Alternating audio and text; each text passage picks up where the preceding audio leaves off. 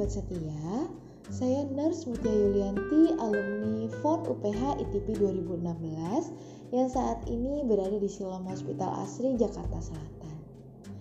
Sebelum kita bersama-sama mendengarkan renungan di SS Podcast hari ini, saya mengajak kita semua untuk tetap melakukan prokes ketat meski beberapa hal sudah mulai diizinkan oleh pemerintah saat ini.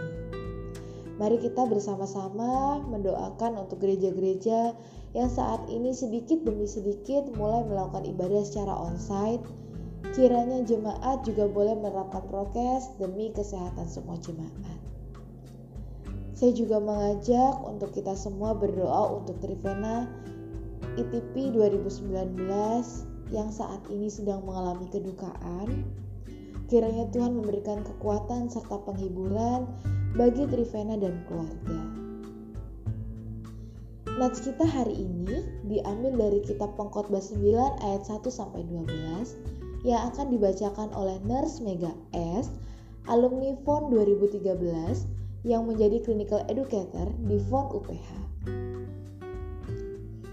Terima kasih untuk Nurse Mega dan kiranya Tuhan menjadikan Nurse Mega sebagai alat di tangan Tuhan untuk mendidik mahasiswa FON menjadi nurse-nurse masa depan bagi negara ini.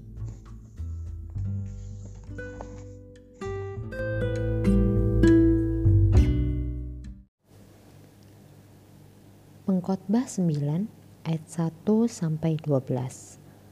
Di bawah judul perikop Nasib semua orang sama. Sesungguhnya semua ini telah kuperhatikan semua ini telah kuperiksa, yakni bahwa orang-orang yang benar dan orang-orang yang berhikmat dan perbuatan-perbuatan mereka, baik kasih maupun kebencian, ada di tangan Allah. Manusia tidak mengetahui apa pun yang dihadapinya. Segala sesuatu sama bagi sekalian. Nasib orang sama, baik orang yang benar maupun orang yang fasik, orang yang baik maupun orang yang jahat, orang yang tahir maupun orang yang najis, orang yang mempersembahkan korban maupun yang tidak mempersembahkan korban. Sebagaimana orang yang baik, begitu pula orang yang berdosa. Sebagaimana orang yang bersumpah, begitu pula orang yang takut untuk bersumpah. Inilah yang celaka dalam segala sesuatu yang terjadi di bawah matahari. Nasib semua orang sama.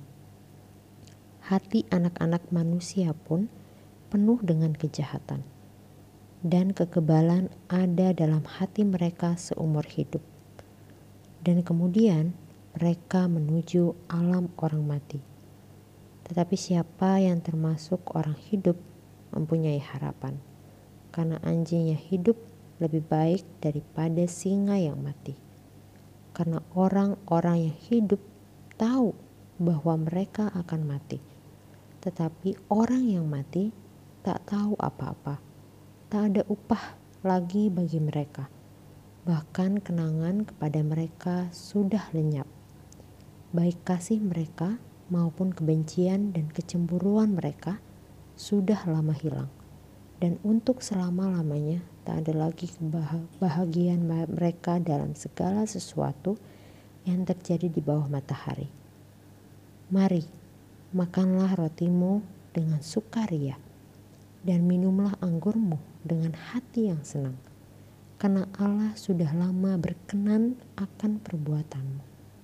Biarlah selalu putih pakaianmu dan jangan tidak ada minyak di atas kepalamu Nikmatilah hidupmu dengan istri yang kau kasihi seumur hidupmu yang sia-sia, yang dikaruniakan Tuhan kepadamu di bawah matahari.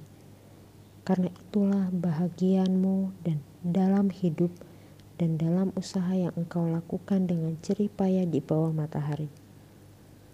Segala sesuatu yang dijumpai tanganmu untuk dikerjakan, kerjakanlah itu sekuat tenaga karena tak ada pekerjaan, pertimbangan, pengetahuan, dan hikmat dalam dunia orang mati, ke mana engkau akan pergi. Lagi aku melihat di bawah matahari bahwa kemenangan perlombaan bukan untuk yang cepat dan keunggulan perjuangan bukan untuk yang kuat. Juga roti untuk bukan untuk yang berhikmat. Kekayaan bukan untuk yang cerdas dan karunia bukan untuk yang cerdik cendekia. Karena waktu dan nasib dialami mereka semua. Karena manusia tidak mengetahui waktunya, seperti ikan yang tertangkap dalam jala yang mencelakakan, dan seperti burung yang tertangkap dalam jerat. Begitulah anak-anak manusia terjerat pada waktu yang malang. Kalau hal itu menimpa mereka secara tiba-tiba. Demikian jauh bacaan firman Tuhan. Berbahagialah setiap mereka yang membaca, merenungkan, dan melakukannya di dalam kehidupannya sehari-hari. Amin.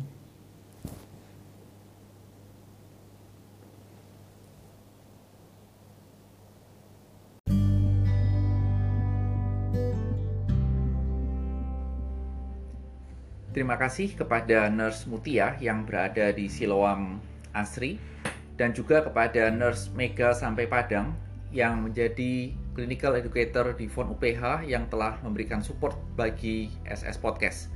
Tuhan memberkati kehidupan kalian semua. Sobat setia, tema kita hari ini adalah bahagia hidup di bawah matahari. Dan mari kita berdoa. Hidup di bawah matahari adalah kodrat kami sebelum berjumpa dengan Engkau. Oleh karena itu ya Tuhan, biarlah firman-Mu sekali lagi mengajar kami untuk seharusnya bagaimana kami hidup dalam Tuhan. Demi Kristus, amin. Di dalam kehidupan saya, saya memiliki pengalaman hidup yang secara pribadi melewati suatu masa di mana hidup itu sering dibanding-bandingkan dengan yang lain. Ketika proses itu terjadi, rasanya di hidup ini boleh benar-benar luar biasa. Kalau kita merasa lebih baik dari orang lain, ada bangga, senang, dan sedikit atau banyak sombong dan ada banyak rasa yang lain. Namun ketika ada dalam posisi yang kalah, dan ini sering kali terjadi, ada rasa marah, jengkel, kecewa, bahkan mungkin sampai frustasi. Dan salah satu pertanyaan yang muncul dalam benak saya adalah, mengapa sih hidup kok tidak bisa lepas dari perbandingan? Seringkali hidup dibandingkan satu dengan yang lain. Saya jengkel dengan hal itu. Karena sering kali saya berada dalam posisi yang kalah, meski dan itu tidak baik. Mungkin kita tertawa terbahak-bahak kalau kita menang, dan itulah kodrat manusia berdosa. Kefrustasian saya menghantar kepada sebuah titik yang membawa saya memiliki sebuah alasan yang melegakan dan ya boleh dikatakan tenang sedikit. Yaitu apa?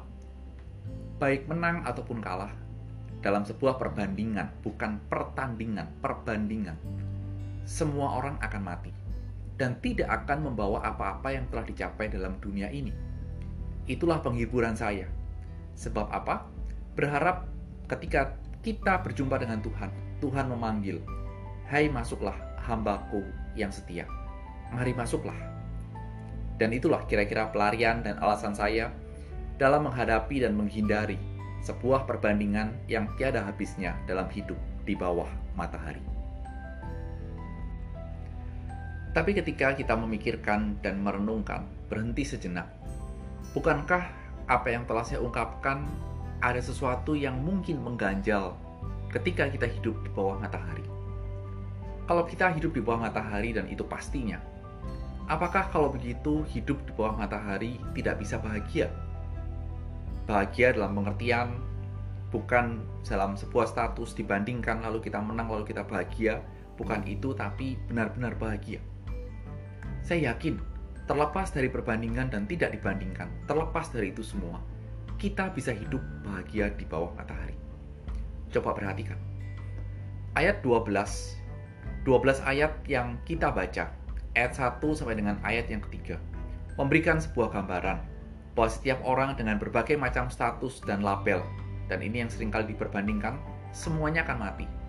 Dan itulah sesuatu yang pasti dalam kehidupan umat manusia, yang hidup di bawah matahari. Dan inilah yang melandasi argumen saya ketika hidup dalam sebuah perbandingan. Tetapi kita tidak boleh fokus kepada yang namanya kematian, ujung dari perjalanan hidup. Karena apa yang mati itu ibaratnya game over. Kalau dalam game ya sudah the end, bahasanya begitu. Dalam film itu the end, dalam game game over. Dan tidak ada lagi karya yang bisa dipersembahkan kepada sang pencipta. Karena apa? Mati. Oleh karena itu pengkhotbah memberikan sebuah perbandingan yang menarik. Bahwa lebih baik hidup dalam dunia ini seperti uh, seekor anjing daripada seekor singa. Tetapi mati. Kira-kira pemahaman saya adalah lebih baik ibaratnya tidak segagah dan berkuasa seperti singa yang benar-benar luar biasa, tapi hidup dalam perkenanan Allah. Dan hidup dalam segala yang dikaruniakan Allah itulah yang membawa kebahagiaan dalam hidup ini. Itu muncul di ayat yang 7 dan ayat yang 9. Dan kita melihat bahwa muncul konsep bahagia yang harus kita pegang. Bahwa bahagia hidup di bawah matahari itu bagi umat manusia adalah ketika kita bisa menikmati apa yang Allah karuniakan bagi kita. Kalau saya berhasil secara karir atau saya bisa punya kekayaan sekian banyak dan juga bukan ketika hidup disandingkan dengan siapa pun dan kita merasa menang dan kita merasa lebih dari A, B, C, dan D dan seterusnya, bukan itu konsep bahagia. Bukan berdasarkan itu, tetapi apa yang diberikan di dalam karunia Allah dalam hidup kita. Saya mengajak kita dengan konsep ini melihat dan menutup perenungan kita dengan kisah Sakius. Kita lihat Sakius dicatat kepala pemungut cukai. Dia kaya raya, seberapa kaya imajinasikan sendiri. Namun di ayat 1 dalam Lukas 19 tidak ada satu kata yang Lukas tulis dalam posisinya sebagai pemungut cukai dan kayanya dicatat Lukas hidup bersuka cita. Bahasa kita hari ini adalah hidup berbahagia. Sakius tidak dicatat itu. Namun Lukas memberikan informasi bahwa Sakius bersuka cita, berbahagia justru setelah bertemu dengan Tuhan Yesus.